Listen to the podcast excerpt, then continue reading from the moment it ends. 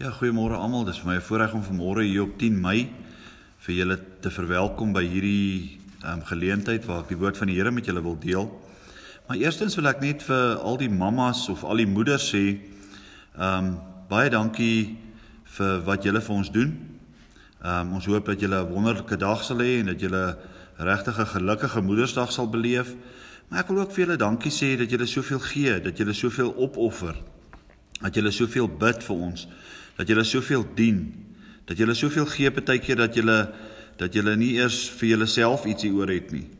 Dat julle soveel lief het dat julle geen moeite sal ontsien om ander te help nie. Dankie dankie dat julle hart dat julle die hart van ons geloofsgemeenskap is, dat julle die hart van julle gesinne is. En ons waardeer julle vanmôre want ehm um, ek glo die Here se hart is baie spesiaal vir moeders, maar ons wil vir jou sê dankie vir jou liefde en jou ondersteuning en dankie dat jy soveel kan omgee. Maar vanmôre se se woord um, wat die Here op my hart gelê het hierdie week gaan eintlik oor 'n versie wat uitkom uit 1 Tessalonisense 5 vers 17 wat praat van bid sonder op bid sonder ophou. En uh vir my is dit 'n voorreg vanmôre om dit met jou te deel. Um en 'n skrifgie wat sommer net ook op my hart geval het is Jeremia 33 vers 3 wat praat van roep my aan en ek sal jou antwoord en jou bekend maak groot en ondeurgrondelike dinge wat jy nie weet nie. En ek dink net dis in hierdie tyd waarin ons leef, is dit so relevant om na die Here toe te gaan en met hom te praat oor wat in ons harte en in ons gedagtes aan die gang is. Maar ek weet ook daar in Matteus 7 staan die Here, sê die Here hierdie woorde. Hy sê: Bid en vir julle sal gegee word. Soek en julle sal ontvang. Klop en vir julle sal oopgemaak word. Want elkeen wat bid, ontvang en hy wat soek, vind en vir hom wat klop sal oopgemaak word. Of watter mense is daar onder julle wat as sy seun hom brood vra, aan hom 'n klip sal gee en as hy 'n vis vra, aan hom 'n slang sal gee. As julle wat sleg is dan weet om goeie gawes aan julle kinders te gee, hoeveel te meer sal julle Vader wat in die hemele is, goeie dinge gee aan die wat hom bid. En as ek dit lees dan besef ek net die Here sê eintlik vir ons kom na my toe en praat met my oor alles wat jy vandag kan nodig hê. Miskien moet daar 'n verskywing kom in die manier hoe jy dink. Miskien moet daar verandering in jou huis kom. Miskien moet daar iets gebeur um, in jou huwelik wat moet verander. Miskien ehm um, wil ons bid dat hierdie virus tyd waarin ons nou is, hierdie inperkingstyd dat dit verby sal gaan. Maar die hart van van die boodskap vanmôre is om net vir jou te sê God is getrou en hy luister na jou gebed. Uh maar ons moet onsself by 'n plek bring vir môre waar ons sê Here, ek is weer bereid om meer te bid. Jy weet ek wil begin om vir jou 'n verhaaltjie te vertel van jare gelede het uh um toe my pa nog 'n ouderling was um en hy's omtrent 80 nou het hy um was hy betrokke by die NG Kerk in Afrika. En uh een van die gemeentes in in Momaneng het hom toe gevra om om bietjie daar te kom bedien en hy sê toe ehm um, hy's hy's nie lus vir dit nie of hy het nie hy sien nie kans vir dit nie. Hy ehm um, vra toe vir my om te gaan en ek besluit toe om om om dit te doen en ek is vol entoesiasme om hierdie woord te gaan bedien by by die gemeente.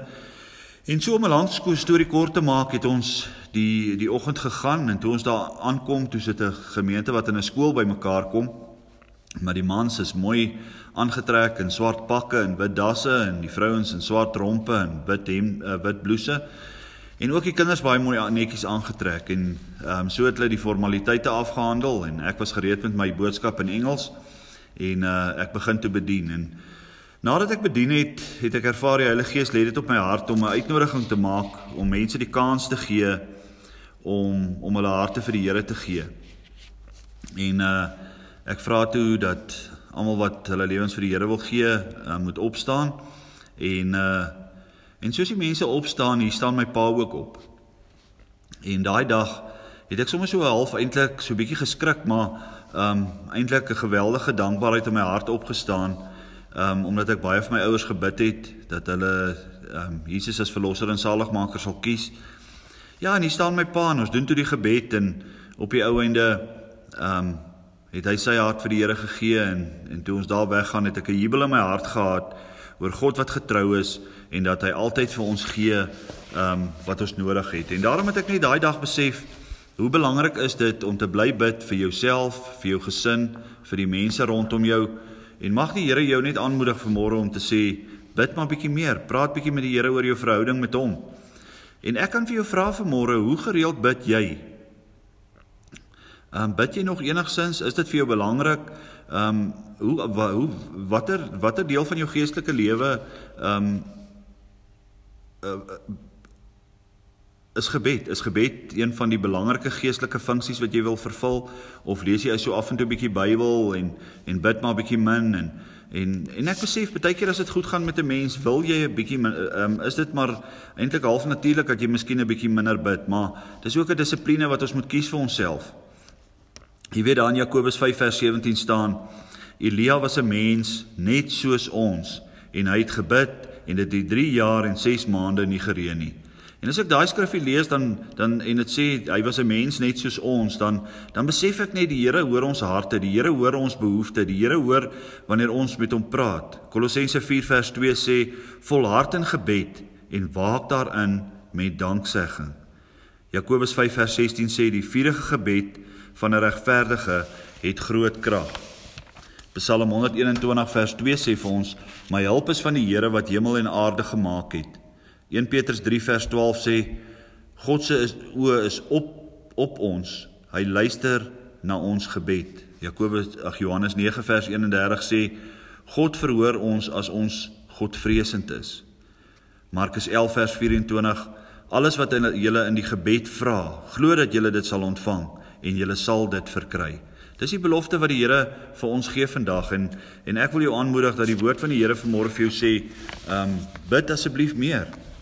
Jy weet as ek dink aan my lewe dan dink ek aan hoe baie ek al met die Here gepraat het en en hoe baie ek bid maar, maar ek het met die Here al gepraat as ek emosioneel af is. Ek het met die Here gepraat as ek hartseer is, as ek bekommerd is, um, as ek vrees ervaar, as ek siek is. Um, ek ek praat met die Here oor my kinders, oor my gesin, oor my familie. Ehm um, baie oor die kerk. Ehm um, ek bid oor ons land.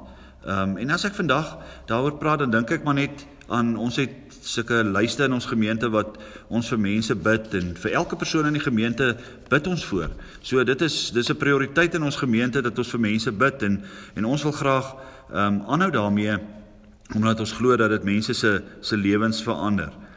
Maar ek wil jou vra vanmôre, wat is dit wat jy ervaar? Wat wat gaan in jou hart aan op die oomblik ehm um, as jy hier hierso na die woord van die Here luister vanmôre? Praat die Here met jou oor die gebed? Jy weet ek dink aan Paulus toe hy met die ehm um, Tessalonisense gepraat het. Ehm um, het hy vir hulle hierdie brief geskryf omdat hulle onder Romeinse onderdrukking was. En dan het hy vir hulle gesê bid sonder ophou. Want Paulus het geweet dat dat dit die oplossing is. Maar wat beteken dit vir môre om om te bid sonder ophou? Beteken dit om heeldag te prewel in gebed of beteken dit om heeldag in jou taal te bid? En ek glo dis ook dis ook reg so as jy dit so wil doen, maar partykeer moet jy dink ek moet ons bietjie prakties dink oor hierdie goed. En en dit gaan daaroor dat ek in die oggend sê net maar opstaan en en voor die dag dan bid ek vir wysheid en ek bid vir krag en ek bid vir vir rigting, ehm um, wat die Here my op wil lei hierdie in hierdie dag. Partykeer en eh, bid ons as die kinders skool toe gaan, dan bid ons, Here, beskerm ons kinders. Here, help dat hulle veilig sal ry. Here, help dat daar nie boelies oor hulle pad sal kom nie. Here, hou ons kinders veilig vandag. Miskien as jy daar by die werk aankom, dan jy nodig om vir die Here elke elke nou en dan te vra, Here, hoe maak ek nou hier? Here, ehm um, hoe gaan ek eh, nou hierdie hierdie rol wat ek in hierdie uh, maatskappy het, hoe gaan ek dit vervul? En God wil vir jou sê, kom na hom toe want hy wil regtig hê dat jy moet bid sonder ophou. En as jy kan bid sonder ophou en aanhou na die Here toe gaan en en daagliks in uh, aan hom dink en met hom praat en so ons gaan jou lewe totaal anders wees. Maar ek dink om om sommer net 'n praktiese voorbeeld te gee. Jy weet ek het op 'n stadium het ek in die bediening gewonder, wat is my spesifieke doel? En ek het toe vir die Here gevra, daai vraag gevra, gesê Here, wat is my spesifieke doel behalwe van al die ander goed wat jy U wil hê ek moet doen?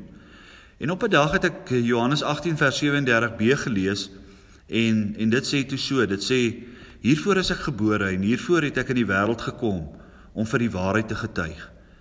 En die die dag toe ek hierdie skrifgie lees, toe besef ek, maar die Here antwoord my. En so het die Here my dan geantwoord en vir my gesê, "Ehm um, ek het jou geroep om vir die waarheid te getuig." En ek was so dankbaar in my hart dat ek dit dat dit 'n totale rustigheid in my hart gebring het dat die Here my geantwoord het hierdie woord omdat ek vir hom gevra het, "Here, wat is my spesifieke doel?" Jy weet ek onthou daar in 1997 het die leierskap gevra dat ek ehm um, die jeug begin bedien. En uh ek het toe na die Here toe gegaan en gesê Here, is dit iets wat ek moet doen? Is dit ehm um, is dit u plan vir my lewe in Markwart? En uh op 'n dag toe lees ek Psalm 78 vers 70 tot 72 en toe antwoord die Here my weer. Ek lees net sommer vers 71 72 wat sê: Agter die lammeroeie het hy hom gaan weghaal om Jakob sy volk op te pas en Israel sy erfdeel vers 72 en hy het hulle opgepas na die opregtheid van sy hart en hulle gelei met die verstandige oorleg van sy hande. En toe ek hierdie skriffie um, lees, het ek net besef dat die Here my geantwoord het en dat die Here my wil gebruik in in herderskap om na die gemeente te kyk en uh ja, so is dit nou al 23 jaar wat ek by die in die gemeente betrokke is en allerlei funksies vervul het en uh en dit is 'n voorreg om deel te wees van dit wat die Here in ons lewens wil doen. Maar vir iemand wat vir my 'n baie mooi voorbeeld is van van iemand wat bid en dissipline het rondom gebed is om Angus.